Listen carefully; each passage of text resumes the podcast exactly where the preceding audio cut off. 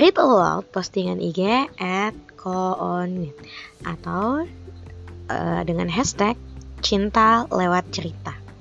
Benarkah kita generasi strawberry? Jangan-jangan kita generasi strawberry. Kalau ya, berarti harus banyak berbenah diri. Bahasan tentang healing, insecure, quarter life crisis, mental illness, atau burnout rasanya jadi hal menarik dan perlu untuk didalami. Ya ampun, relate banget. Pakai warganet saat melihat konten viral orang yang merekam dirinya sedang menangis di kamar mandi. Apalagi dibumbui tulisan melankolis yang sukses membuat diri merasa si paling menderita. Saat sedih, lagu-lagu bertema self-healing terasa jadi sahabat yang paling mengerti. Jangan-jangan kita termasuk generasi strawberry.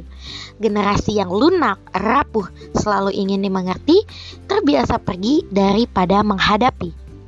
Kalau kita sering mudian, lelah, lesu, loyo, jangan-jangan karena kita terbiasa mengambil semangat dari hiburan, film, dan media sosial. Padahal sumber semangat ialah ruh yang selalu terhubung dengan Sang Maha Hidup. Dengan Al-Quran, zikir, dan sholat, jiwa manusia akan selalu hidup.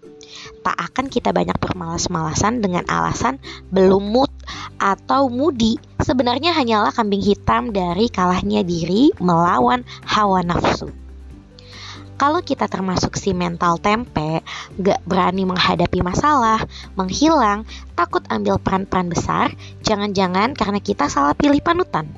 Histeris kita di depan idola rupawan yang pandai berdendang dan bergoyang, tapi mudah menangis saat dihantam ujian kehidupan.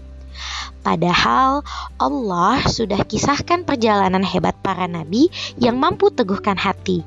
Bagaimana sabarnya Nabi Nuh, teguhnya Nabi Ibrahim, tawakalnya Nabi Yunus, atau beraninya Nabi Musa.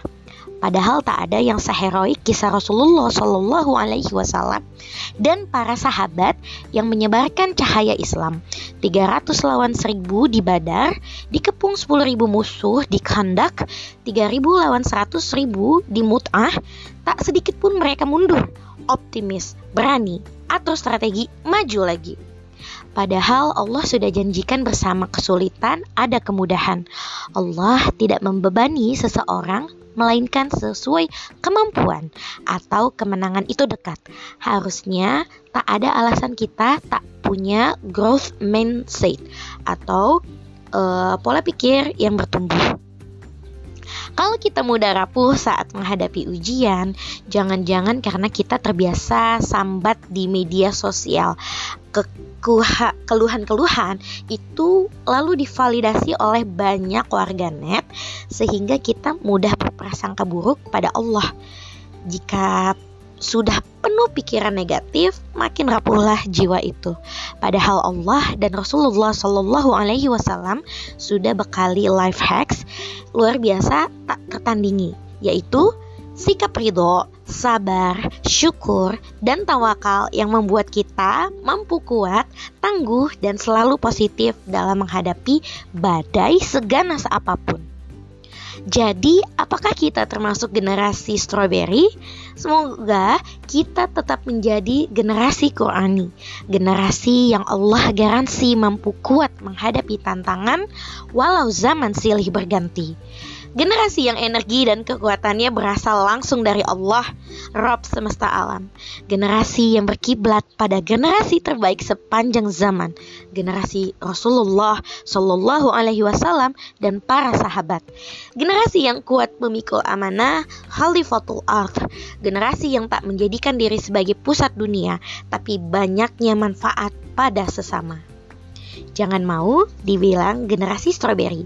Bilang dengan lantang, kami generasi Qurani. Have a nice day. Semoga sehat dan semangat selalu.